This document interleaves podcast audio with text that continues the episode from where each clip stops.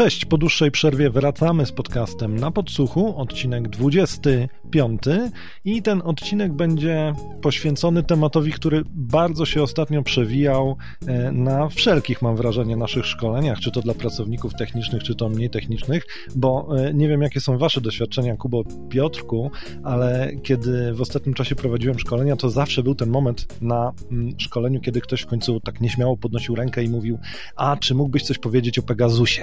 Może nie mamy aż takich możliwości, e, żeby zrobić cały odcinek e, tylko o Pegasusie i żeby powiedzieć Wam dokładnie, jak to narzędzie działa, no bo przecież nie jest to coś, e, co, mm, co może dostać w swoje ręce każdy, ale jakby nie patrzeć, jest to element ciekawego zjawiska, jakim jest coś, co ja nazywam przemysłem inwigilacji, czyli funkcjonowaniem produktów, specyficznych produktów dla służb, które służą, no jakby nie patrzeć, naruszaniu naszych prywatności i, i, i innych wolności obywatelskich, ale zasadniczo w celu prowadzenia kontroli operacyjnej, wykrywania przestępstw i tak dalej. Więc o tym dzisiaj będziemy mówić. To może po prostu zacznijmy od tego, żeby powiedzieć, jak Pegasus e, działa, bazując oczywiście na tym, co wiadomo z różnego rodzaju mediów. No to śmiało, śmiało. Czekamy na ciebie, no. Rozumiem, że się zgadzacie, tak? Ja dogrzebałem się do instrukcji obsługi, e, która na ponad, sprawdźmy, ponad 35 stronach opisuje, e, jak e, Pegasusa zainstalować komuś na telefonie. Jest to instrukcja, która była dystrybuowana z tym rozwiązaniem 3 lata temu do wszystkich klientów, a tak naprawdę do klientów pośrednika, który na Stany Zjednoczone sprzedażą tego rozwiązania się zajmował. I tam mamy bardzo ciekawe informacje. W ogóle wszystko zaczyna się od takiego niewinnego hejciku, gdzie twórcy Pegasusa mówią, że no dawniej to, żeby kogoś podsłuchać, to trzeba było robić tak, jak Snowden opisywał i NSA wykonywało albo dalej wykonuje, czyli tak zwane passive interception. E, mamy różnego rodzaju węzły w sieci internet, do których NSA ma dostęp, czy jakakolwiek inna agencja ma dostęp i na tych węzłach można zacząć nasłuchiwanie. No problem w dzisiejszych czasach z tym nasłuchiwaniem jest niestety taki, że ono oczywiście przekaże nam pewne informacje, o ile nasz figurant e, korzystał z łączności, która była nieszyfrowana. Inaczej możemy tylko mówić, to też nie zawsze, o pewnych metadanych, że on z tego urządzenia tam się łączył wtedy i wtedy, tak? Ale treści nie dostaniemy. I to był pierwszy hejcik, że ten passive interception to są stare lata.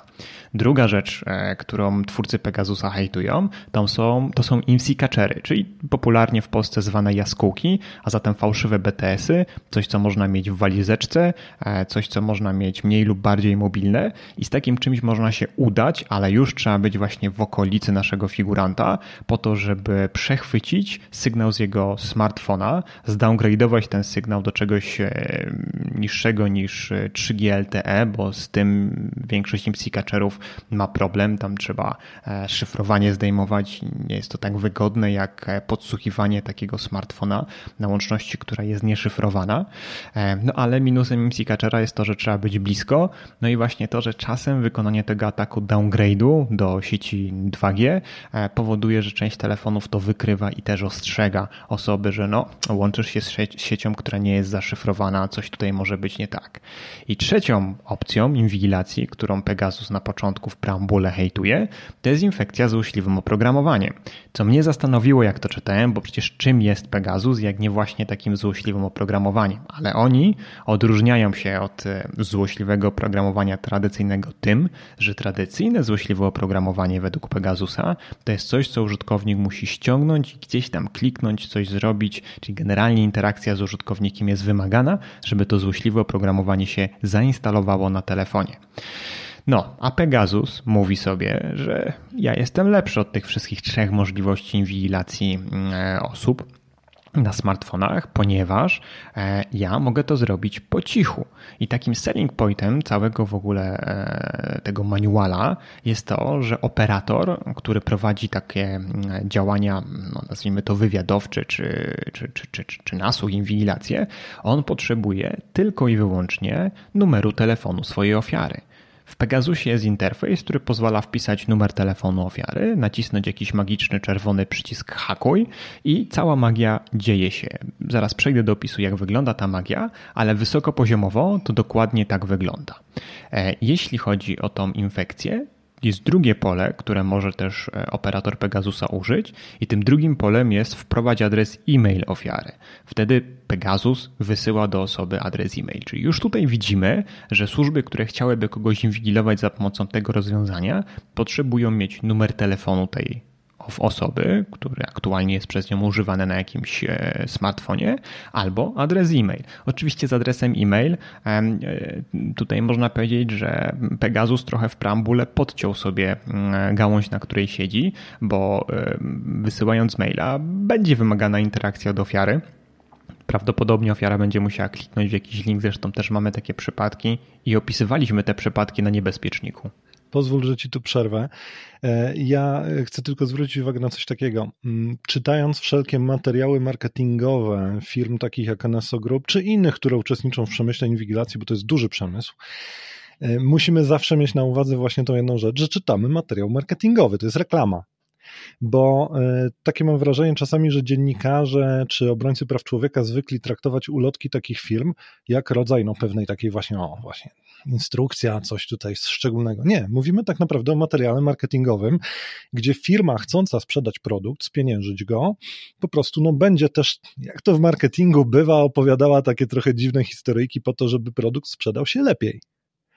I e, Czyli nie, chcesz, nie chcesz powiedzieć, tutaj, że... że... nie wierzysz, że um, operator Pegasusa ma formatkę podaj numer telefonu i cała magia się dalej stanie? Nie, nie, tego nie mówię. Nie, tego nie mówię. Nie wiem, co mają. Natomiast zawsze właśnie, choćby, choćby e, popatrzcie, rozpoczęcie E, instrukcji od powiedzmy powiedzenia, że te metody są B, a nasza to już jest lepsza, to jest, to jest działanie marketingowe. To nie jest techniczne wyjaśnienie tego, co my właściwie robimy. Mhm, ale dobra, to nie chcę I, tutaj być obrońcą NSO Group w żadnym wypadku. Nie, nie, ja tylko, ja też nie chcę w żaden sposób podważać tego, co mówiłeś, tylko uzupełniająco mówię, że powinniśmy mieć taki, tutaj mi brakuje polskiego słowa, mindset powinniśmy e, jakby ustawić sobie umysł na to, że rozmawiamy o produktach, które są na sprzedaż i ktoś chce na nich zarobić. To też jedną z typowych technik marketingu jest jakby mm, no, pokazanie, że ten produkt jest B, ten produkt jest B, kup od nas. A nie wiem, czy przypadkiem I... akurat ten dokument, o którym ja mówię i który, e, który jest dostępny w internecie, to nie jest dokument, który jest przekazywany już klientom, czyli tym, którym, że tak powiem, ten produkt sprzedano. Wiesz co? Może tak, może nie, bo e, E, kiedy na przykład, e, nie wiem, na ile się zapoznawałeś z wyciekiem Spy Files e, z Wikileaks. Miałeś okazję przeglądać tam te ulotki, materiały promocyjne różnych firm? Miałem, no. Mhm. No i, i to właśnie też częściowo były, były rzeczy wyglądające tak jakby na takie rzetelne instrukcje, ale one zawsze miały dla mnie, ja przynajmniej odniosłem takie wrażenie, jednak wymiar reklamy, specyficzna reklama, skierowana do specyficznych ludzi, którzy oczywiście wolą słyszeć konkrety, tak jakby, ale jednak gdzieś w tym wszystkim jest dla mnie taka nutka, no jesteśmy zarąbiści, taki mamy produkt. To może ja jedną rzecz jeszcze powiem.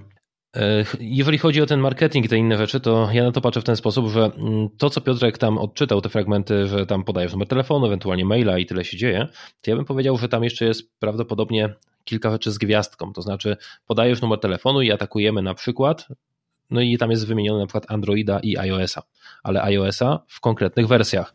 Mhm. Mhm. To przejdźmy do konkretów. E, jeśli chodzi o. Mhm. Tak, tak, tylko właśnie mi chodzi o to, że oni wykorzystują konkretne zero day na konkretne wersje systemu. No i teraz e, ta marketingowa otoczka to jest podajesz po prostu numer telefonu, gdzie działa sobie na przykład Symbian i po Symbianie. A re, rzeczywistość wygląda tak, że na przykład co chwila wypuszczane są jakieś nowe wersje systemu. Nie wiem, czy Symbiana akurat, ale chodzi o to, że na przykład ta wersja podatna iOS-a, do której była tam 3 lata temu przystosowana mm, wersja Pegasusa, no ona już podatna nie jest na przykład. Już musieli albo zdobyć nowego Zero Day'a, albo po prostu nie obsługują od pewnej wersji w górę, przykładowo. Więc tutaj no to, to może być ta rozbieżność. Mhm. No to znowu wcielę, wcielę się wcielę się w adwokata diabła, e, bo w tym dokumencie jest też jasno e, napisana tabela, która pokazuje wersję oprogramowania, na które ten produkt zadziała, czyli e, te exploity, które posiada NSO Group, rzeczywiście spowodują przejęcie kontroli nad danym urządzeniem. No i patrząc sobie na to, które wersje systemu były aktualne przy momencie wypuszczenia tej instrukcji, no to to były aktualne systemy. Ja nie zakładam, że w ciągu trzech lat coś się zmieniło i że przez trzy lata oni nie dokoptowali sobie nowych metod ataku, a raczej wszystko wskazuje na to, że na bieżąco aktualizują możliwości wejścia na dane systemy, co widzimy po różnych artykułach prasowych. Ale, i tu jest bardzo ciekawa rzecz, bo to oprogramowanie też my patrzymy na nie z punktu widzenia osób, które zajmują się bezpieczeństwem, są techniczne, ale nie zawsze osoby, które pracują w służbach, które mają zadanie monitorować, podsłuchiwać, już mówiąc wprost kogoś, to będą osoby wybitnie techniczne. Dlatego ja totalnie rozumiem e, interfejs, który polega na tym, wiesz co, podaj numer telefonu albo, adres e-mail i my zrobimy całą resztę dla ciebie, nie wnikajmy w szczegóły, jak to działa. Chociaż te szczegóły techniczne w tej instrukcji można znaleźć i pozwólcie, że wam powiem, jak wygląda e, sposób osadzania się tego Pegasusa na e, systemie operacyjnym, bo on też nie zawsze się uda, o czym w instrukcji jest, więc kiedy on się uda i jak to wygląda. Otóż z instrukcji wygląda, że w momencie, kiedy Pegasus dostanie namiar na osobę, czytaj ten numer telefonu, to, i to jest taka piękna metoda numer jeden, over the air, przez push notification, przez wiadomość push SMS, to jest pewna niezgodność, ja nie mam do, do końca zrozumienia, o co tutaj chodzi w momencie, kiedy oni mówią o pushu, no bo różnie to można odczytywać. Wysyłana jest e, jakaś wiadomość do urządzenia i to urządzenie następnie robi odwołanie HTTP pod jakiś URL. URL, na tym URL-u na tym serwerze, web serwerze znajduje się już exploit, ale uwaga, to jest bardzo ciekawe, on nie zawsze zadziała, dlatego że to, jaki exploit zostanie podany danemu telefonowi, przecież po numerze telefonu my nie wiemy, z czego ktoś korzysta i w jakiej wersji, to to jest wykrywane po user agencie. I to jest wprost w instrukcji napisane. Oni patrzą na user agenta. I jeśli z user agenta wynika, że jest to wspierany system, to wtedy on jest atakowany. A jeśli nie jest wspierany, to nie jest atakowany. Czy to, co Kuba powiedział, że są pewne wersje, które prawdopodobnie no, nie dadzą się zainfekować, jest jak najbardziej prawdziwe. Tutaj te lista tych wspieranych systemów jest i jest jeszcze jedna ciekawostka, przynajmniej 3 lata temu, tak wynika to z instrukcji. Pegasus atakował tylko i wyłącznie systemy, które miały domyślną przeglądarkę. Jeśli ktoś na przykład na Androidzie wykorzystywał przeglądarkę Chrome, to mógł być zaatakowany. Ale jeśli już miał jakąś inną przeglądarkę, to nie do końca. Wygląda więc na to, że ten sposób osadzania się agenta Pegasusa na telefonie był ściśle związany z eksploitami na domyślne przeglądarki. I tak samo na iPhone'ie trzeba by było mieć Safari, a inne przeglądarki, no to jest ciekawe, bo są inne przeglądarki na iPhone'ie, z których można korzystać, ale one też bazują na tym samym silniku co nie oznacza, że wszystkie exploity będą na nie działać, bo mieliśmy takie przypadki, kiedy eksploitowane było standardowe Safari na mm, iOSie, ale już na przykład e, Chrome, który bazuje na tym samym silniku, no bo tak Apple wymaga, żeby mm, przeglądarki film trzecich bazowały na tym samym silniku, już poprzez pewne niuanse nie można było go mm, wyeksploitować. Także można powiedzieć, że pewna szansa dla osób, które boją się Pegasusa, to po pierwsze korzystanie z niedomyślnej przeglądarki, a po drugie, coś na co też instrukcja zwraca uwagę, jeśli jeśli ktoś zmieni user agent przeglądarki na jakieś śmieci bzdury, no to nie zostanie zaatakowany, ponieważ takiego systemu nie ma. Pegasus wtedy nie działa, więc być może dobrym pomysłem byłoby, zakładając, że przez 3 lata to się nie zmieniło, na telefonach zainstalować sobie jakiś dodatek, rozszerzenie, który pod user agent będzie wrzucał no, różnego rodzaju e, śmieci. Więc to jest ten, ten mechanizm takiego najbardziej one-click installa e, na telefonie, co, z czym można się zapoznać, jeśli się oczywiście uwierzy temu, co w tej instrukcji, instrukcji wdrożeniowej Pegasusa się znajduje. I co wy na to? Mhm. No teraz to brzmi tak bardziej sensownie. E, I jeśli chodzi ogólnie o Pegasusa, tak sobie myślę, dlaczego my w ogóle o tym mówimy? No, ze, tak myślę, że ze względu na to, że mm, infekcję tym systemem zaobserwowano też w Polsce i na liście obsługiwanych operatorów, w sensie, które kraje są obsługiwane, jest właśnie Polska się pojawiła. No i teraz takie wielkie poruszenie, bym powiedział, w social mediach, przynajmniej tak jak ja oglądam, że nasz rząd kupił sobie taki system po to, żeby właśnie infekować nasze telefony i aby je tam podsłuchiwać, no na tej zasadzie. Tylko tak analizowałem sobie, jak, co w zasadzie ten rząd kupił, jak to wygląda. Oczywiście nie da się jawnie powiedzieć, czy faktycznie to zostało kupione i na jakich zasadach, ale widziałem analizę w necie pod względem cen, znaczy ile zapłacili, ile kosztuje taki Pegasus, jak to mniej więcej wygląda i jak działa system pod względem e, licencjonowania. No i wygląda na to, że sądząc po kosztach, Polacy kupili 10 licencji. 10 licencji na Pegasusa oznacza możliwość śledzenia maksymalnie 10 użytkowników jednocześnie online. No i teraz te 10 licencji, one kosztują no, razem z tam z jakimś szkoleniem i innych tam rzeczy 25 milionów złotych. Więc tak sobie zastanowiłem się, jeżeli Polacy są tak strasznie mm, no, przestraszeni tym, że teraz możemy być podsłuchiwani w każdym możliwym momencie, to trzeba wiedzieć, że te 25 milionów, jeżeli podzielimy sobie na 10 sztuk, no to wychodzi 2,5 miliona na licencję. Teraz pytanie, czy ktoś z rządu realnie ma. E, czy coś aż tak naskrobałeś, że chcą na przykład taką licencję za 2,5 miliona złotych przeznaczyć akurat na ciebie, na jakiegoś tam Janusza, no nie? Tak, tak, oczywiście, licencje są przechodnie na tej tak, zasadzie. Tylko ale jednocześnie, jaki... zakładając, że ktoś nie ominął, a przecież bystrzaków w Polsce my mamy, e, mechanizmów licencjonowania Pegasusa, e, możemy śledzić e, Zainstalowali 10, tak, 10 osób. I tutaj to jest jeszcze jedna ważna rzecz, na którą trzeba zwrócić uwagę. Te koszty, które Kuba przytoczył, no to one mają uzasadnienie akurat w przypadku działalności CBA, bo ta agencja jest podejrzewana o zakup. No przecież jak e, ktoś rozbije jakąś mafię e, watowską, która tam, nie wiem, e, naciągnęła skarb państwa na szkody, to, to z reguły, bazując przynajmniej na doniesieniach medialnych, no są szkody w wysokości kilkudziesięciu milionów złotych, także te 2,5 pół e, na jedną czy dwie osoby wydaje się tutaj sensowne. Przy czym jeszcze to też nie będzie 2,5, bo te licencje na osoby są e, niższe kosztowo. E, należałoby od tej całej kwoty odliczyć jeszcze właśnie te szkolenia i wdrożenie w instrukcji. Znowu się do niej odwołam. Jest informacja, w ogóle jest wykres żanta, który pokazuje cały sposób wdrożenia, kiedy przyjeżdża sprzęt, ile tego sprzętu jest, że trzeba mieć dwa plinki, żeby to solidnie działało, że są trzy raki, które trzeba postawić. Także ja szacuję, że sam ten sprzęt, który jest potrzebny, e, jeśli chodzi o warstwę sprzętową, e, łącznie ze stacjami do obsługi tego systemu, e, plus kartami SIM, które tam są wymagane do mm, anonimizacji też pewnych działań, to już jest koszt około miliona złotych razem ze szkoleniem, wdrożeniem, a pewnie jeszcze jakiś support jest wykupiony, bo jak oprogramowanie się sypie, bądź trzeba je aktualizować, bo operatorzy, może nie tyle operatorzy, co twórcy systemów operacyjnych też się przecież aktualizują, e, no to to są dodatkowe, e, dodatkowe koszty. Myślę, że dokupienie kolejnej licencji to nie będzie 2,5 miliona e, złotych, tylko troszkę mniej, ale dalej to jest jednak duża kwota, tak? To nie jest tak, że a nie podobasz mi się, to cię sobie podsłucham, tak? Bo... Ja tylko powiem, dlaczego o tym wspomniałem mowy, bo chodzi mi o to, że sprawa Pegasusa była opisywana przez taką, przez media techniczne i nietechniczne.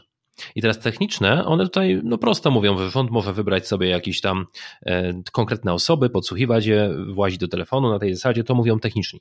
Nietechniczni przedstawiają to jako taką totalną apokalipsę, jeśli chodzi po prostu o prywatność w Polsce. Po prostu jako program masowy. Dokładnie tak, masowy program tak. operacyjnej. Właśnie. I to jest według mnie znaczna różnica. I o tym powinniśmy, na tym powinniśmy się skupić moim zdaniem. To jest różnica, że nie, nie podsłuchujemy Polaków, tylko podsłuchujemy konkretne, wybrane osoby i do tego te osoby można policzyć na palcach obu rąk. Jednocześnie. I uzupełniając, dodajmy, bo, bo jeśli już mówiliśmy o kosztach, to musimy mieć na uwadze, że inne działania operacyjne też kosztują. To znaczy, moim zdaniem bardzo ciekawe, ja chciałbym zobaczyć porównanie na przykład kosztów inwigilacji Pegasusem versus inne, bardziej tradycyjne czy nowoczesne metody inwigilacji, które mamy. Druga sprawa, której, którą ja lubię podkreślać, mówiąc o Pegasusie, to ja nie byłbym, ja nie jestem zaniepokojony tym, że polskie służby tego spróbowały, ja byłbym poważnie zaniepokojony tym, gdyby tylko nasi tego nie próbowali. No i i tutaj trafiasz, Marcin, w sedno, bo bardzo wiele się mówi na temat tych e, dokumentów, które stały się jawne w kontekście CBA i ich zamówienia, bo ktoś tam gdzieś tam podczas kontroli czegoś nie dopilnował i to po prostu poleciało, dziennikarze to e, zauważyli. Natomiast e, no, nic nie mówi się o innych naszych agencjach, a Agencja Bezpieczeństwa Wewnętrznego, co jest gorsza, albo BOR, czy teraz już SOP, albo Agencja agencja wywiadu. No ja, ja mam nadzieję, że mają, szczerze mówiąc, no bo powinni mieć, tak? No mówmy się, że od tego są służby, mają po prostu lepszy obsek niż CBA, ale raczej audytorzy CBA. Ja mam ten problem, że dałem się, dałem się swojego czasu poznać jako raczej taki, wiele osób mnie kojarzy akurat z raczej przeciwnikiem inwigilacji. E, A ty jesteś Natomiast, totalnie za. E, nie, no wiesz co, ja, ja to widzę tak. uh, Bałbym się, gdyby nasze służby bały się inwigilacji jakiejkolwiek. To znaczy, kontrola operacyjna jest stosowana przez służby. Też pamiętajmy, bo, bo mam wrażenie, że służbom się trochę obrywa za taką kulturową otoczkę Jamesa Bonda, ja to tak nazywam. To znaczy, tak, e, wielu ludziom się wydaje, że naprawdę praca w służbach to jest, no co, jeżdżę po kasynach, tak, wszyscy mnie znają, jestem fajnym kolesiem, szybkie auta i tak dalej.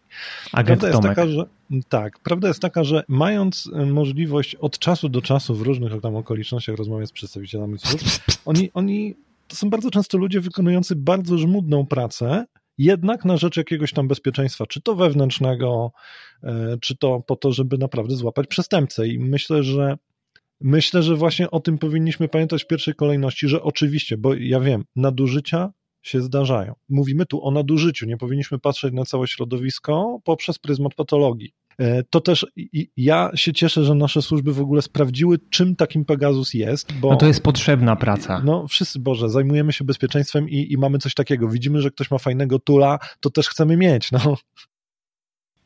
Ale w ogóle e, dla e, CBA e, należą się brawa za konsekwencje, bo nagle ten hurdur Pegasus wybuchł, wszyscy o tym mówią, nie za bardzo wiedząc o czym tak naprawdę mówią, ale przecież my już parę lat temu na Niebezpieczniku mówiliśmy o tym, że po wycieku z Hacking Team wyszło na jaw, że CBA było klientem również tego, no nie wiem, exploit packa czy narzędzia do włamywania.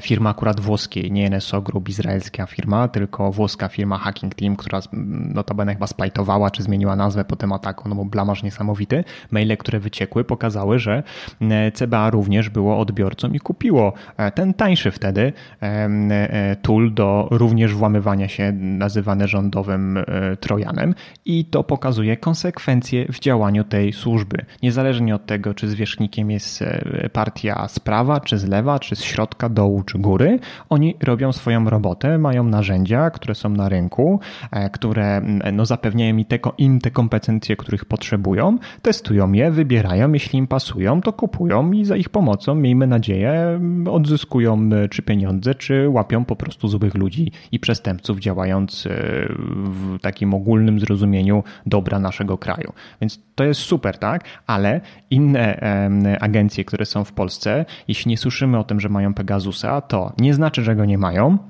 ale też nie znaczy, że go mają, bo przecież one mogą mieć kompetencje, no nie chcę tu powiedzieć tak brzydko, że wyższe niż CBA, ale mogą mieć ludzi u siebie w zespole, którzy takie narzędzia potrafią sobie sami zbudować. Niekoniecznie mówimy tutaj o gotowych eksploitach typu tam, nie wiem, Metasploit albo e, tego typu rozwiązania, które są powszechnie dostępne, darmowe i każdy z nas może za ich pomocą włamywać się na smartfony czy, e, czy na e, komputery albo innego rodzaju urządzenia. Oczywiście, jeśli one nie mają aktualnego oprogramowania, bo większość tych publicznie dostępnych exploit nie zawiera Zero ale przecież agencje rządowe w Polsce mają możliwość kupowania na e, rynku globalnym, a także lokalnym e, exploitów, które mogą samodzielnie jakby uzbroić e, czy otoczyć odpowiednim kodem i zrobić sobie na ich podstawie narzędzie i ja jestem stuprocentowo pewny, że to robią. No, zdziwiłbym się, gdyby tego nie robili,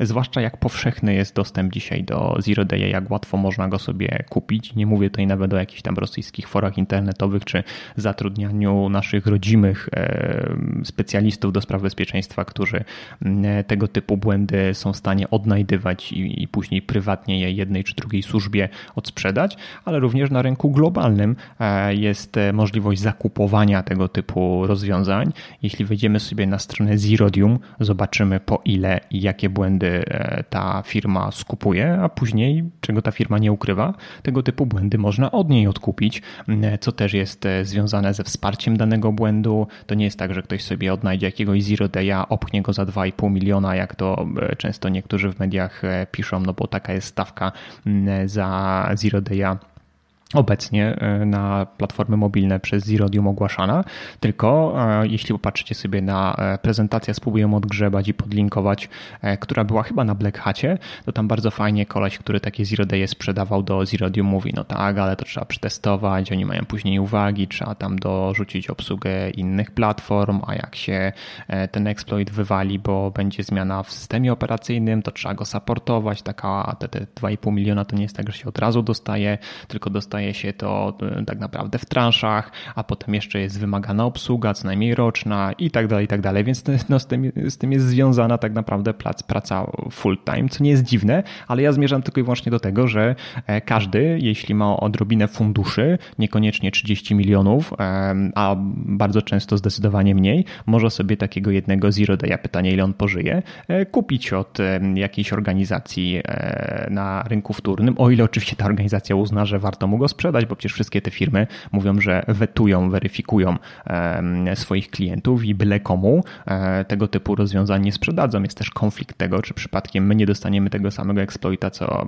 nie wiem, Arabia Saudyjska, która znana jest z tego, że będzie go paliła na różnego rodzaju opozycjonistach. E, później to poleci do Citizen Lab, oni spalą tego exploita, a my wykorzystywaliśmy go nie do walki z opozycją polityczną, tylko do ważniejszych celów i nagle na przykład nasza operacja związana ze śledzeniem przemytników dzieci jakiegoś gangu narkotykowego, e, pójdzie się paść, bo spalony przez Arabię Saudyjską exploit, którego i my byliśmy współwłaścicielem, Zero Day'a, e, został e, zgłoszony do producenta, na przykład firmy Apple i Apple wypuściło poprawkę, a ta poprawka, jak wiadomo na iPhone'ach w przeciągu tygodnia rozlecie się na wszystkie iPhony.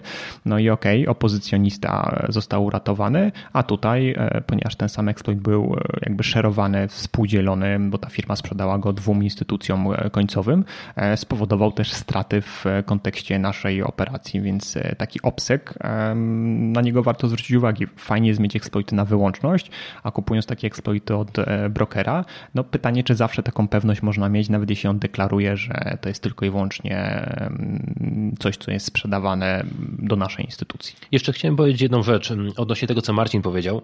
Po, po, to jest takie porównanie opłacalności różnych tam metod inwigilacji, bo wspomniałeś Wspomniałeś o wycieku z Hacking Teamu i tam e, wyciekły faktury wystawione dla CBA. Właśnie przeglądam sobie te faktury, bo są dostępne w necie w sumie i e, jak to wygląda mniej więcej kosztowo. E, łącznie przez 4 lata CBA wydało na te exploity 250 tysięcy euro. No i teraz te 250 tysięcy euro to w zaokrągleniu mniej więcej milion złotych. No i teraz milion złotych w zestawieniu do e, tych 25 milionów wdrożenia Pegasusa. To takie jedna informacja. Ale jako ciekawostki, e, oni zakupili ten system od e, Hacking Teamu. Ten system on się nazywał Remote Control System, czyli RCS-a kupili sobie i kupili go w roku 2012. Za sam produkt zapłacili 178 tysięcy euro, a potem e, płacili tylko za aktualizację. To jest to, co powiedział Piotrek, że jak kupujesz system, no to musisz utrzymywać te update'y, żeby cały czas mieć najnowsze wersje. I łącznie się ten milion złotych poskładał przez te 4 lata właśnie. E, I ciekawostka taka, w tamtych czasach, czyli rok 2012 do 2015, oni kupili też 10 licencji, czyli dokładnie ta sama skala skala inwigilacji im była potrzebna te N lat temu, co jest potrzebna teraz. No i teraz ja zadaję sobie samemu takie pytanie też do Was. Co się zmieniło pod względem podejścia ogólnie do, do tego tematu, bo Wiemy, że w 2012 roku był y, program kupowania sobie Zero Dayów od pewnej firmy. Teraz kupują zautomatyzowany system, który będzie odpalał te zero od zupełnie innej firmy. Koszty może wzrosły, ale przeciętnego Polaka te koszty zupełnie nie obchodzą. Po prostu z mojej perspektywy nic się nie zmieniło, czyli po prostu wtedy CBA dysponowało odpowiednimi narzędziami, żeby kogo chciało podsłuchać i teraz dysponuje też tym samym. Jednocześnie teraz jest to taki wielki szum medialny, a ówcześnie no, kilka jakichś takich niszowych, nazwijmy, e, portali napisało o tym, ale nie było jakiegoś wielkiego halo. Pytanie, co się zmieniło? No chyba tylko sytuacja polityczna i to, że ktoś chciał rozegrać ten temat głośniej e, w mediach, a może po prostu jesteśmy też bardzo świadomym, czy bardziej świadomym społeczeństwem, bo e, żyjemy w roku 2019, kiedy coraz więcej mówi się o tym, że pluszowe misie naszych dzieci nas podsłuchują, bo mają mikrofony, e, kiedy pojawia, przebija się w końcu to, co walczyliśmy przez tyle lat, cyberbezpieczeństwo do mainstreamu, no to może teraz ktoś na to zwraca uwagę. Jakbyś w 2012 roku zaczepił kogoś na ulicy, zapytał się, czy wiesz, co to jest zero day, albo czy obawiasz się, że ktoś ci się włamie na smartfona, to pewnie część osób w ogóle jeszcze smartfonów by nie miało i nie byłoby to takim problemem. E, teraz żyjemy w e, czasach, które rzeczywiście dość mocno poszły do przodu i ja wiem, że większość z nas tego tak nie odczuwa, bo my od tego 2012 stopniowo doszliśmy do 2019 jako gigi technologiczne, korzystając z tej technologii, tak można powiedzieć gładko, ale jest fajna rzecz. Popatrzcie sobie, gdzieś był taki artykuł, może uda mi się go znaleźć, jak zachowują się osoby, które wychodzą dzisiaj z zakładów karnych po wyrokach 10-15-letnich, e, kiedy oni trafiają do świata zupełnie innego, mocno zinformatyzowanego e, i mają problem z tym, że e, wchodzili jakby do zakładu karnego, kiedy Polska wyglądała inaczej, wychodzą po 15 latach, skok technologiczny jest tak duży, że oni często mają problem z tym, żeby się odnaleźć we współczesnym świecie, dlatego że jest tak dużo elektroniki. Nawet zamówienie sobie kanapki w McDonaldzie może być dla nich problemem. To znaczy, ja widzę pewne kontinuum zmian w świadomości. To znaczy, zawsze powtarzam, że wycieki Edwarda Snowdena wiele zmieniły, e, bo w ogóle wtedy zmieniono narrację. Nie wiem, czy zauważyliście, ale od czasu wycieków Snowdena Facebook jest obrońcą prywatności. Podczas gdy jeszcze nieco wcześniej Mark Zuckerberg mówił, że prywatność to jest, to jest przeżytek, że tego nie ma, w ogóle nie powinniśmy myśleć o czymś takim. To nie wiem, czy to mu się nie e, zmieniło przypadkiem po skandalu Cambridge Analytica, chyba, chyba bardziej wtedy nie, zaczęli na to Nie, to znaczy ja, ja, kiedyś analizowałem wypowiedzi Zuckerberga i innych y, przedstawicieli w ogóle Doliny Krzemowej pod tym względem. Napisałem nawet tekst, który gdzieś tam u nas w szufladzie leży. I, i to, się, to się dokładnie zmieniło po Snowdenie, że nagle się wszyscy stali obrońcami prywatności, nagle, nagle tam później mieliśmy tą akcję z iPhone'em terrorysty z San Bernardino, E, gdzie tak naprawdę to ja uważam, że firma Apple mogła spokojnie po prostu pomóc w tym śledztwie, no ale oni chcieli bardzo pokazać, że, że, że są obrońcami prywatności. Kiedy mieliśmy tą całą chryję o Amazon Eco, które mogło nagrać, że morderstwo, no i tam też Amazon się postawił, że oni będą bronić prywatności, gdzie kiedyś to oni by się nawet nie zastanawiali. A przecież oni opychają kamery prostu... służbom e, amerykańskim, tam policji, które inwigilują jeszcze, każą im za nie mniej płacić, jeśli będą innych namawiali do ich instalacji. Na Amazon to akurat nie powiedziałbym, że to jest e, przyjaciel prywatności, także zdecydowanie zaprzeczam tej narracji. Apple rzeczywiście stara się tutaj na tą prywatność I trzeba przyznać, stawiać. że jedynym człowiekiem, który przed Snowdenem mówił o tym, że coś takiego jak na przykład kontrolowanie swojego smartfona jest ważne, to był Steve Jobs i zrozummy się, nie jestem jakimś tam mega fanem Jobsa, który tam czyta o jego tam rzekomym zakrzywianiu rzeczywistości, nic z tych rzeczy. E, nie, nie używam nawet produktów Apple'a, e, tylko... Gardzisz nimi. Tylko, nie, że gardzę, po prostu, po prostu nie wiem, no, kiedyś mnie nie było stać, to nie używałem, a teraz jakoś tak nie chcę, bo się przyzwyczaiłem do czegoś innego, ale powiedzmy tak, nie jestem fanatykiem Apple'a, natomiast przyznaję, że Steve Jobs przed aferą Snowdena potrafił powiedzieć, że na przykład y, telefon powinien wyraźnie pytać o uprawnienia aplikacji do używania tam sensorów czy funkcji telefonu. No dobra, ale e, popatrz na to też z tej strony, że e, Apple ma bardzo zamknięty ekosystem. E, on sprzyja tak. bezpieczeństwu, sprzyja, bo nie słyszymy o tym, o czym słyszymy co tydzień w przypadku sklepu Google Play, że pojawiła się jakaś złośliwa aplikacja albo 10 tysięcy złośliwych aplikacji ktoś odkrył, e, które tam okradały użytkowników, czy wykradały im dane. Mm, e, w ekosystemie Apple tego nie ma, bo on jest zamknięty, tam jest zamordyzm, więc są plusy i minusy. Ale Apple... ten zamordyzm wybierasz swoim portfelem i to jest moim zdaniem ok. Tak, tak, tak. Czy wiesz, y, ja jestem jak najbardziej y, za ekosystemem Apple. Nie będę tego w żaden sposób ukrywał, ponieważ y, jeśli komuś zależy na tym, żeby na swoim telefonie zrobić jakiś szacher, macher, różne dziwne rzeczy, spoko, ma Androida, ale to z reguły będzie taka osoba, która będzie w stanie zapanować nad bezpieczeństwem swojej słuchawki. Ale mamy większą, przytłaczającą większość osób, która nie jest tak zafascynowana technologią jak my, a która chciałaby gdzieś tam sobie, nie wiem, kupić bilet do kina na smartfonie, zapłacić za parkomat, e, zadzwonić do znajomych.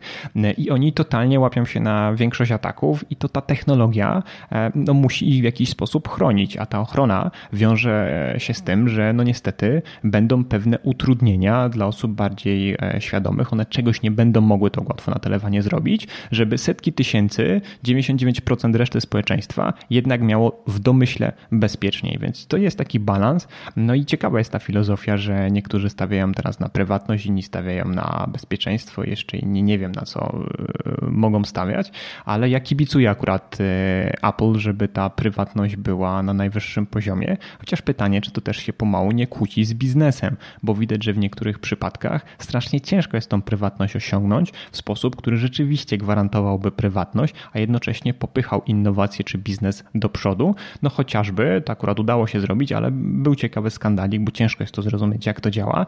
Ta nowa metoda e, znajdowania e, telefonów e, Apple czy słuchawek w momencie, kiedy one się zgubią, czyli to emitowanie beaconów bluetoothowych, co działa w oparciu o kryptografię, zapewnia anonimowość, no ale jednak pokazuje, że, że, że trzeba tego bluetootha uruchomić, zwiększamy tą tak zwaną powierzchnię ataku, gwarantujemy co prawda prywatność, no ale służymy większemu, ważniejszemu celowi, czyli czemuś, co pozwoli nam nasze zgubione urządzenie odnaleźć albo wręcz wykasować z niego zdalnie e, dane. Także wszystko jest takim e, tym trójkątem, tak? Można mieć e, tanio, można mieć szybko, no i można mieć chyba tam wygodnie, tak? Czy dobrze i wybierz dwa, nigdy nie masz trzech rzeczy. Pytanie, czy kiedyś ktoś takiego trójstrzała ustrzeli i, i będzie można mieć wszystko. Trochę w stronę produktów komercyjnych, a teraz wróćmy do tematu, jakimi są produkty E, takie no, dla służb.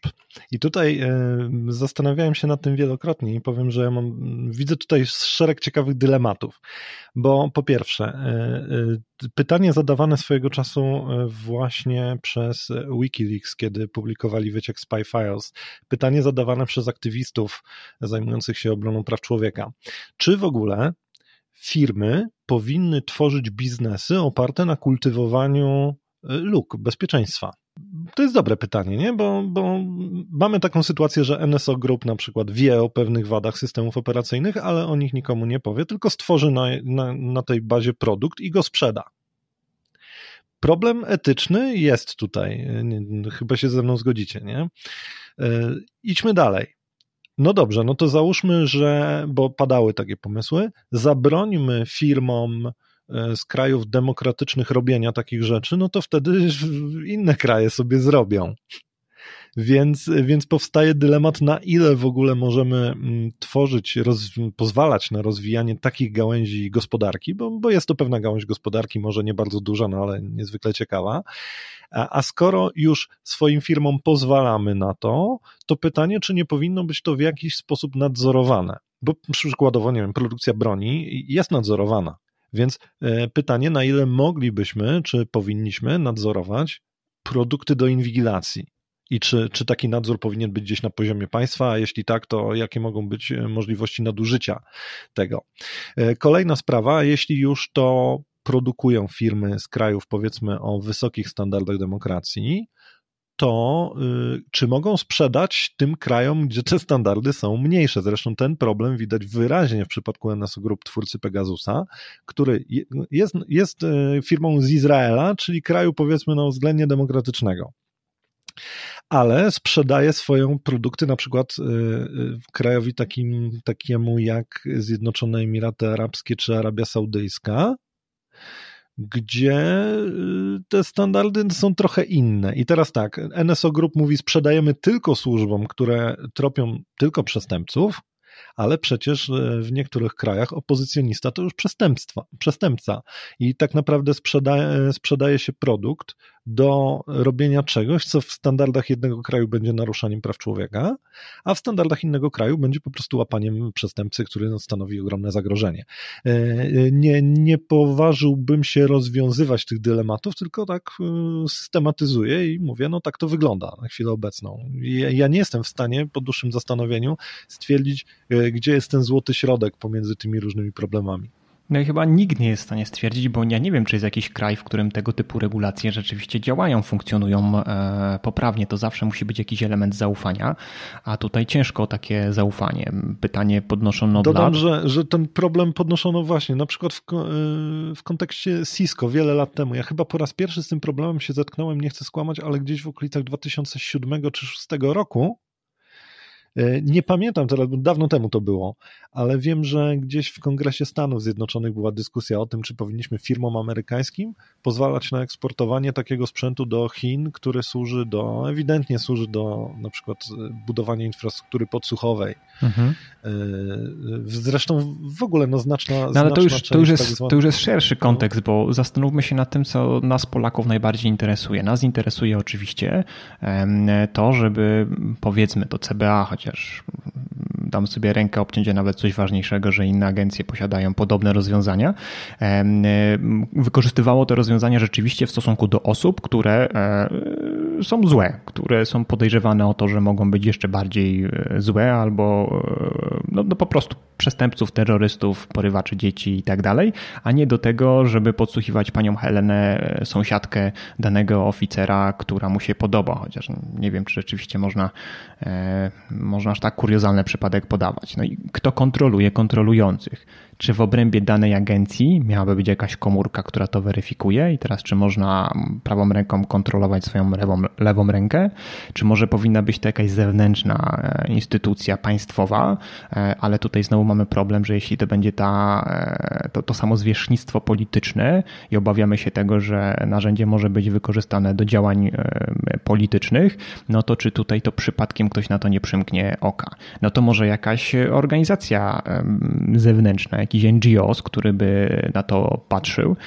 No ale wtedy, czy takim osobom można zaufać, że będąc mocno ideowymi, przypadkiem nie spalą danej operacji, bo im się będzie wydawało, że nie ma sensu stosować aż takich środków, a praktyka służb i ich doświadczenie pokazuje, że jednak ma. Więc dalej mówimy tutaj, że działamy jakby w obrębie osób, które są w kręgu zainteresowania służb, są podejrzani o popełnienie jakiegoś przestępstwa, ale jakiś NGOs może się nie zgadzać, że aż takie działa należy na takie osoby e, wytaczać. No to, to jest cholernie moim zdaniem e, trudny problem, a najgorsze jest to, że ciężko jest mówić o tym, żeby po takiej operacji ujawniać fakt prowadzenia tej operacji, żeby ktoś sobie mógł zajrzeć w logi i powiedzieć, no tutaj to jednak przesadzili, tak? No bo e, to pokazuje jednak sposób działania służb i e, powoduje, że być może inni przestępcy nauczą się, jak tego typu problem e, obchodzić albo co robić, żeby się nie udało w ich przypadku, nie udała w ich przypadku taka inwigilacja. Więc gdzieś mi się o uszy obiło też, że w którymś z krajów podobno jest tak, że jak jakaś służba e, kogoś inwigiluje i to niezależnie, e, czy mówimy tutaj o kontroli operacyjnej takiej standardowej, podsłuchujemy telefony, chodzimy za kimś, obserwujemy, wchodzimy na tajne przeszukanie do mieszkania, czy też stosujemy rządowego trojana na jego smartfonie i okaże się, że ta osoba tak naprawdę no, nie popełniła żadnego przestępstwa i, i była to pomyłka false positive, to później taką osobę ta służba musi poinformować, a następnie ta osoba ma prawo przed sądem domagać się jakiejś rekompensaty za to, że jej prywatność została w sposób nieuzasadniony naruszona. I to mógłby być taki y, mały biczyk na wszystkich, którzy podejmują decyzję, czy odpalać tego Pegasusa w stosunku do osoby X, czy nie. Czy mamy dużo dowodów, które nam pozwolą wytłumaczyć się później, że taka kontrola operacyjna robiona tym czy innym narzędziem, tą czy inną techniką była zasadna, czy nie.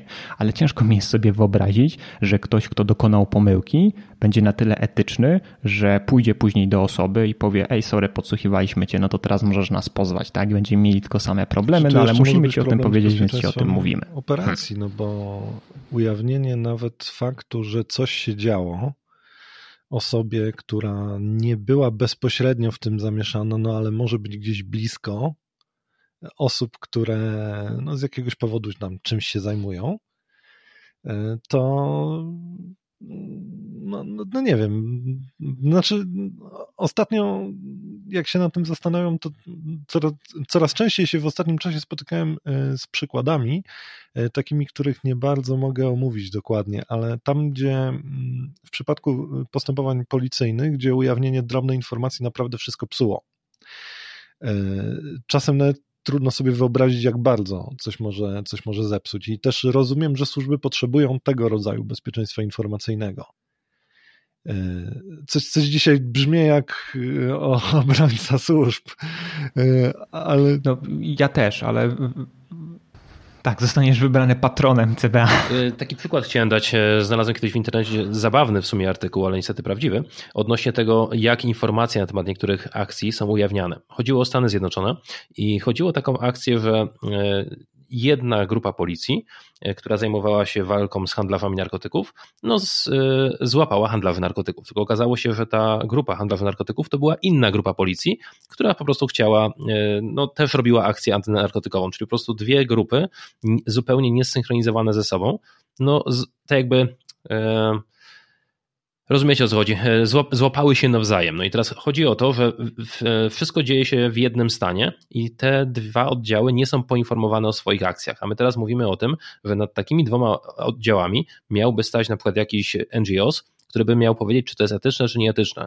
Żeby te akcje się udały, to musi być taki poziom tej anonimizacji, zupełnie takiego e, niepodawania szczegółów, że praktycznie nikt poza tą komórką nie wie, że coś takiego się mhm. dzieje, więc moim zdaniem e, jedyne, co by się dało, to post factum. Nie? No ja bym, ja bym, ja bym totalnie no ja bym totalnie, tak jak, jak właśnie mówisz, e, próbował w, w takiej sytuacji przekupić kogoś z tego NGOsa i dowiadywać się od niego, a co ty wiesz, a jakie operacje robią i, i sprzedawać to odpowiednim grupom przestępczym. Także no... no to w tym wypadku musimy iść e, w stronę typu, musi być e, komórka kontrolna do komórki kontrolnej, która będzie kontrolowana przez inną komórkę kontrolną. Tak, tak czyli rozumiecie może, o co chodzi. Może jest to problem no po prostu nierozwiązywalny nie dokładnie i, i, i należy dopiero należy dopiero wyciągać wnioski po jakichś spalonych operacjach, typu właśnie ten e, Khashoggi, który został e, poćwiartowany i okazało się później, że jego bliski znajoma, być może nawet on sam, miał Pegasusa na komórce. E, no, tragiczna sytuacja, ale uczmy się na tych tragicznych wnioskach i, wdrażajmy jakieś zabezpieczenia. Zresztą, znowu sięgnę do tej instrukcji, ten Pegasus stara się być takim na naprawdę bardzo mm, zgodnym z prawem narzędziem, na ile to można w ogóle nazwać w niektórych miejscach zgodnym z prawem narzędziem, bo tam na przykład jest opcja, gdzie operator e, w obrębie licencji, w zależności od kraju, w którym e, on funkcjonuje, jakie są przepisy prawne, może mieć prawo do ściągnięcia z smartfona, na którego się włamał, na którym osadził tego e, agenta Pegasusowego, informacji albo od chwili włamania w przyszłość. Kontrola operacyjna jest na czas, tak? Jak mi ktoś podsłuchuje telefony, to podsłuchuje moje telefony od dzisiaj do y, następnego tygodnia, powiedzmy, a nie ma od razu domyślnie wszystkich moich treści rozmów sprzed pół roku, jeśli nie miał tej zgody na kontrolę operacyjną. Tak tutaj w Pegasusie jest taki checkbox, który może powiedzieć, nie możesz pobrać, nawet jak się włamałeś na ten telefon, danych, które na tym telefonie już teraz się znajdują ty możesz zdobywać te informacje, które dopiero teraz będą się pojawiały na tym telefonie. I to ten sam agent jakby e, dba o to, żeby, żeby było realizowane. Bardzo jest jeszcze jedna fajna funkcja, o której no, muszę Wam po prostu powiedzieć, bo jest możliwość podsłuchiwania e, telefonu, czy aktywacji mikrofonu. A jak to wygląda? No to jest ciekawe, ponieważ e, agent tak naprawdę odbiera połączenie telefoniczne od jakiegoś numeru VoIPowego i jedyne co robi to wygasza ekran. Jak akcelerometr barometry, czujniki wskazują na to, że telefon jest brany do ręki i zaraz będzie używany, to momentalnie to połączenie jest rozłączane. Także widać, że tutaj e, te, te, te, te możliwości ukrycia się, wejścia na telefon e, rzeczywiście bardzo fajnie, można tak powiedzieć, ktoś e, przemyślał. Jest jeszcze jedna funkcja, która jest idealna wręcz dla służb, wykrywanie spotkań dwóch celów. Więc jeśli mamy na przykład dwóch figurantów, którzy nie wiemy, czy się znają, albo wiemy, że jak się spotkają, to będzie tylko coś niedobrego z tego wynikało, to można ustawić takie, e, taki geofencing, tak, że jeśli jeden będzie blisko drugiego, to wtedy mnie poinformuj, no bo lokalizacja jest cały czas e, e, brana z tych dwóch telefonów. I ciekawostka, też dla tych, którzy być może chcieliby się ochronić przed Pegasusem, mm, Pegasus buforuje informacje, które zbiera z danego telefonu, bo to nie jest tak, że on real time się łączy, no, wyszłoby wtedy na rachunkach telefonicznych. On stara się korzystać z Wi-Fi, a jeśli nie ma dostępnego Wi-Fi, no to oczywiście jest obsługa pakietowa, ewentualnie przesyłanie treści SMS-ami, na to autorzy zwracają uwagę, uważaj, bo to wyjdzie na billingu, uważaj, bo osoba się może zorientować, ale na powierzchni mm, e, na dysku na danym urządzeniu zajmowane jest w domyślnej konfiguracji maksymalnie 5% wolnego miejsca, tak? więc jak ktoś ma zapchany telefon, to niewiele tych informacji sobie Pegasus odłoży, zbuforuje, żeby później przesłać, kiedy cel znajdzie się w zasięgu Wi-Fi. No i przy roamingu jest olbrzymi problem, e, więc korzystanie na przykład z kart zagranicznych być może będzie jakimś rozwiązaniem dla niektórych, którzy się obawiają tego typu e, inwigilacji, chociaż myślę, że już dość mocno zakreśliliśmy, że te 10 osób, do których być może to narzędzie dotrze z, z punktu widzenia przynajmniej agencji, jaką jest CBA, e, no to raczej nie będzie 10 naszych słuchaczy. Chociaż, kto wie, może. Jeszcze taka jedna rzecz mi wpada do głowy, e, bo jak Marcin mówił, że tego typu oprogramowanie, wytwarzanie tego rodzaju oprogramowania, że powinno być w jakiś sposób kontrolowane, albo zastanówmy się, czy w ogóle powinno być kontrolowane. I dał tu przykład e, tak, tak, właśnie, że zastanówmy się. No i teraz ja zastanowiłem się, wykonałem Twoją prośbę, no i teraz e, do czego doszedłem. E, dałeś przykład handlu bronią, prawda? No to ja dam przykład handlu narkotykami na przykład.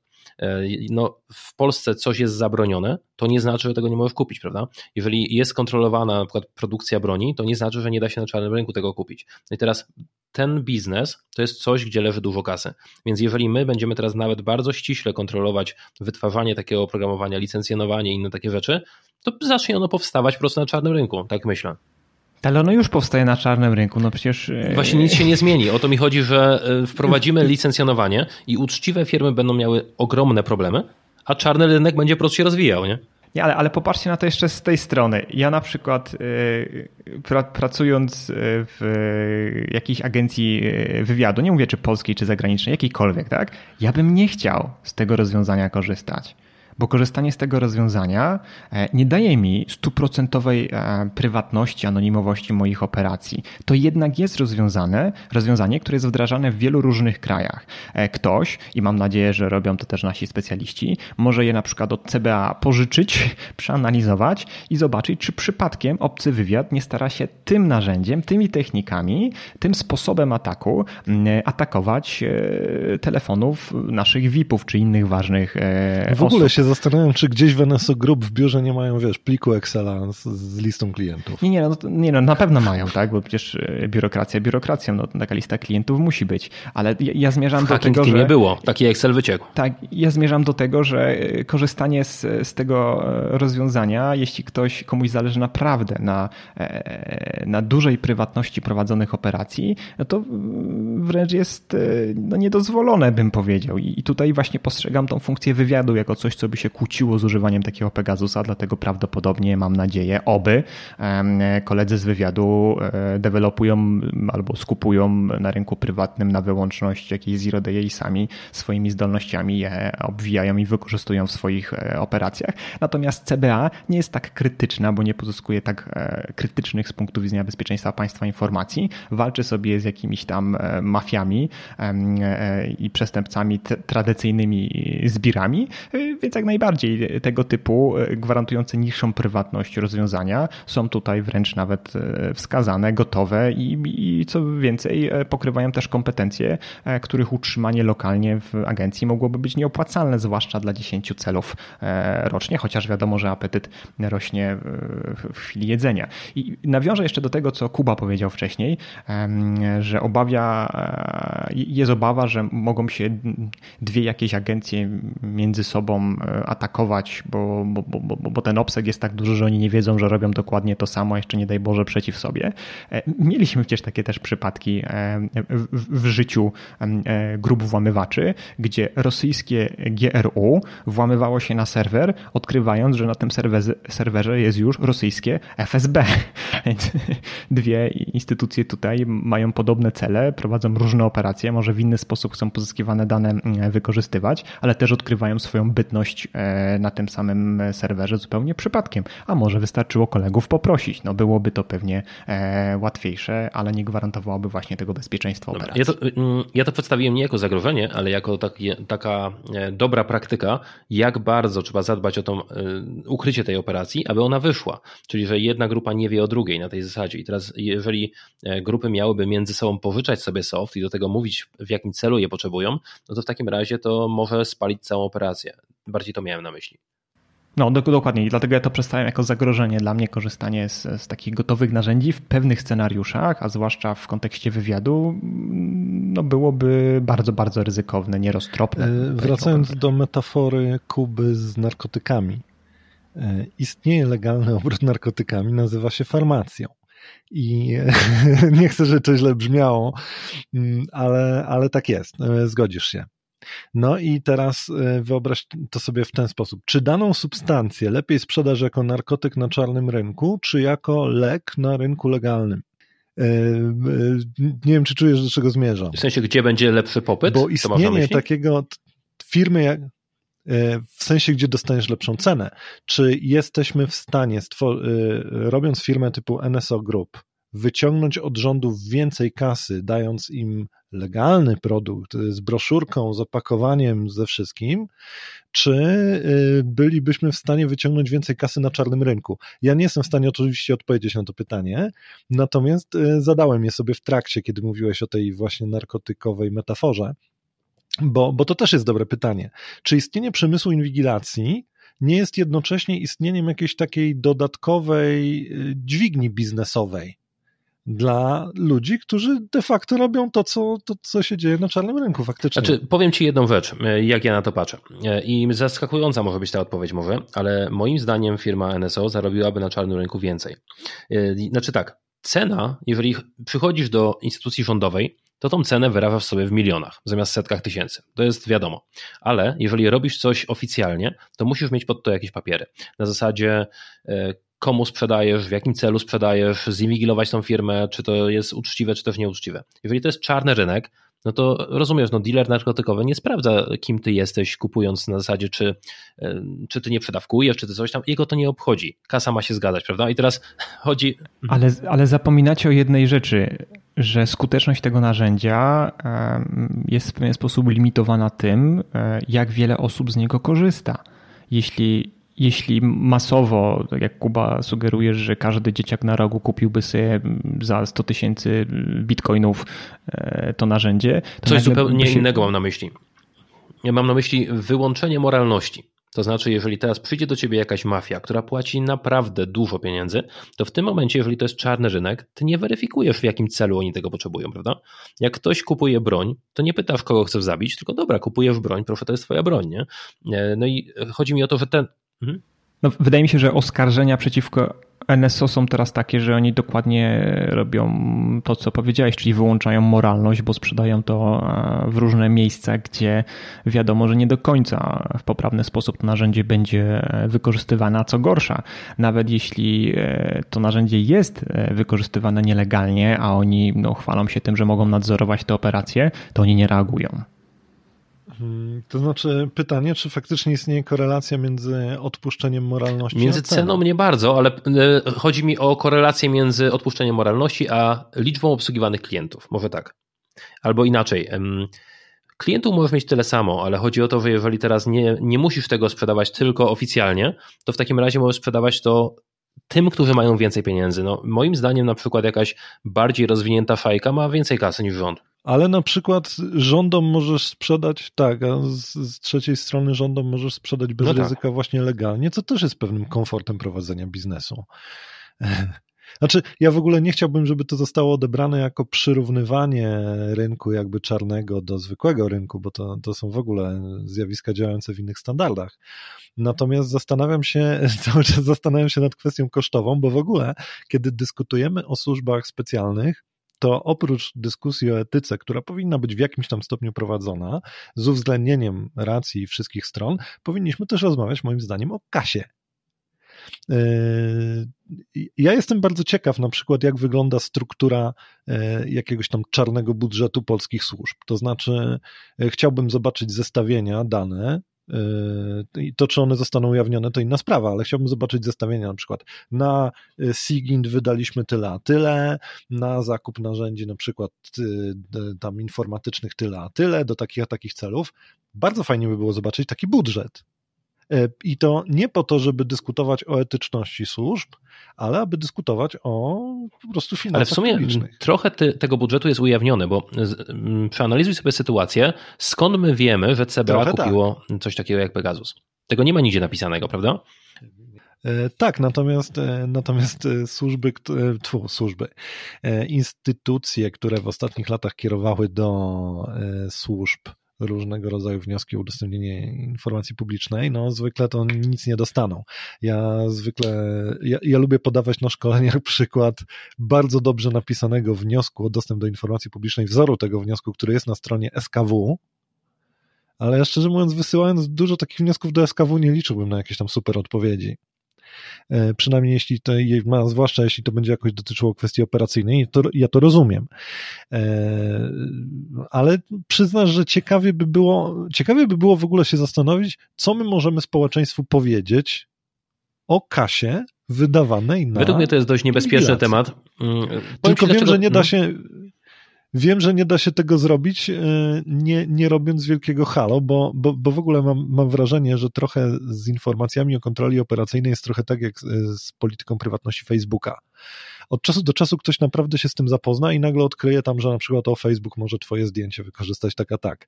E, bardzo często e, te odkrycia medialne są dokonywane na podstawie czegoś, co już gdzieś tam latało, różne, różni ludzie mogli o tym wiedzieć, ale nagle się robi z tego jakiś taki, wiesz, zamieszanie publiczne, bo ktoś zwróci uwagę na jedno zdanie, jedno narzędzie, e, jedno zjawisko, które czasem od dawna istnieje, a hmm. nagle nas Powiem Ci, dlaczego poruszyło. jeszcze myślę, że to może być niebezpieczne, ujawnianie takich liczb. Jeżeli opinia publiczna usłyszy, że ktoś, bliżej nieokreślona jakaś e, jednostka tam okołowądowa, wydała 25 milionów złotych na podsłuchiwanie, no to wiadomo, jaki to jest PR, nie? E, ale też ludzie nie rozumieją czegoś takiego jak punkt odniesienia tej gotówki. 25 milionów złotych, to jest dużo czy mało? No i teraz Kowalski sobie myśli, no w życiu tyle pieniędzy nie widziałem, a można by za to szpitale kupić, a jakieś podwyżki dla lekarzy, a dla nauczycieli. Nie? Na tej zasadzie ludzie patrzą, ale nie patrzą na to, że jak oni użyją tego systemu inwigilacji, to moim zdaniem, to są moje szacunki, im się to zwróci w pół roku. Jak rozbiją jakąś e, szajkę, która wyłudza VAT, to moim zdaniem pół roku, góra rok i to się zwraca. To jest inwestycja po prostu. I teraz jak się zwróci po pół roku, to potem zaczyna zarabiać. Nie? Więc e, według mnie to jest świetna inwestycja pod względem ekonomicznym, nie pod względem moralnym, tylko pod względem ekonomicznym. I teraz wytłumacz to temu Kowalskiemu, dlaczego te pieniądze nie poszły na przykład na biedne dzieci. Nie?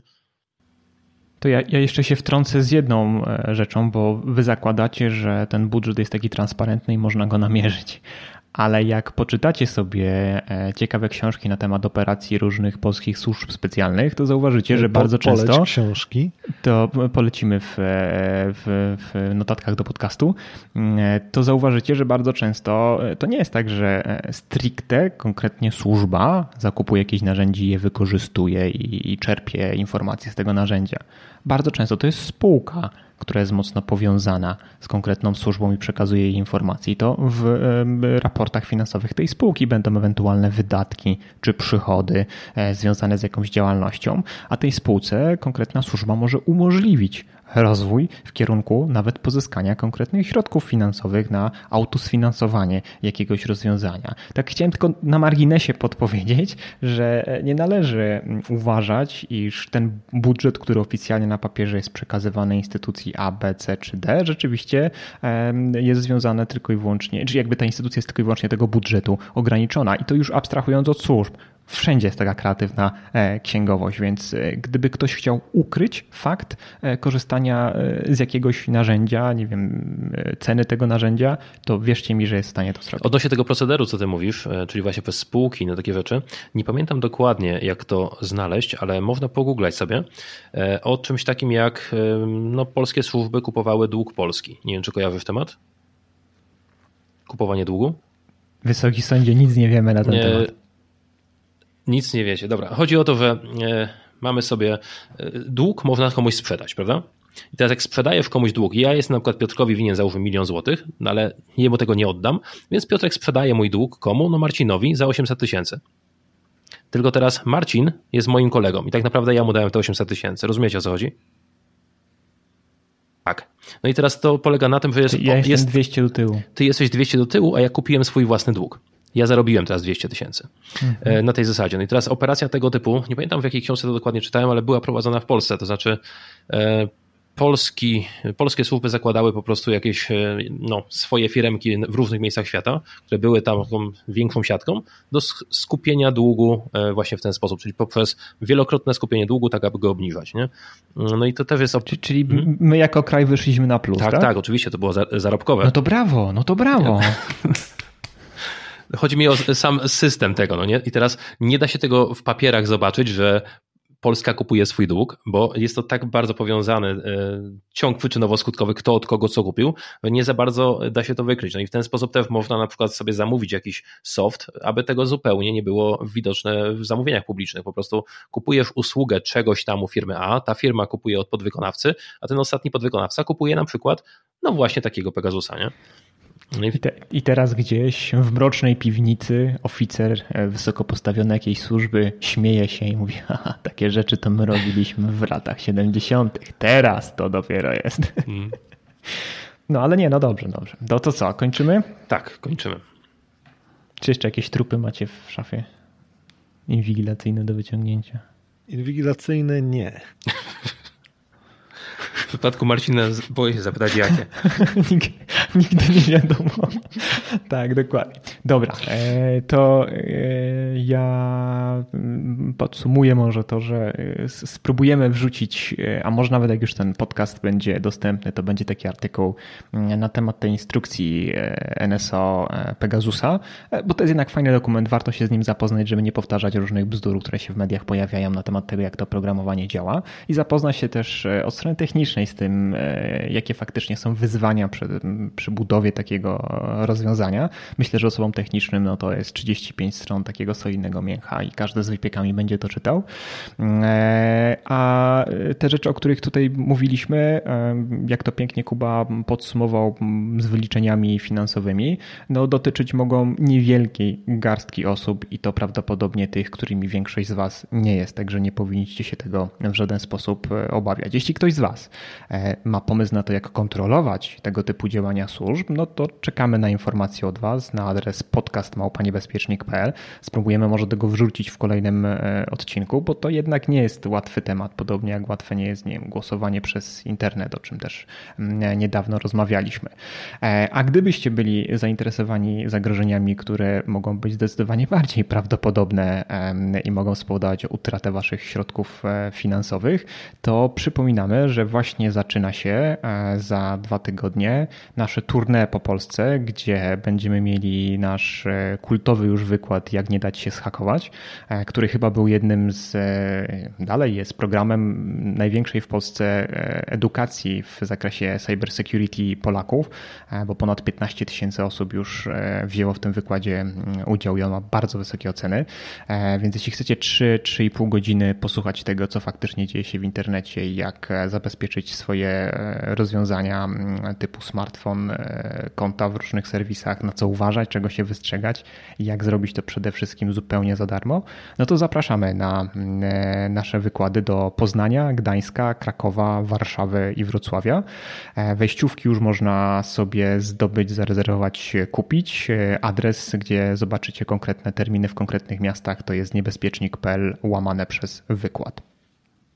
Tradycyjnie powiem na koniec, Piotrku, Kubo, dziękuję Wam bardzo. E, do usłyszenia. Oczywiście w tym odcinku będzie zagadka, będzie easter egg, no bo myślę, że w takim odcinku poświęconym Pegasusowi nie mogło Pamiętajcie, nie aby odsłuchiwać się na telefonach. Tak, koniecznie. Tak.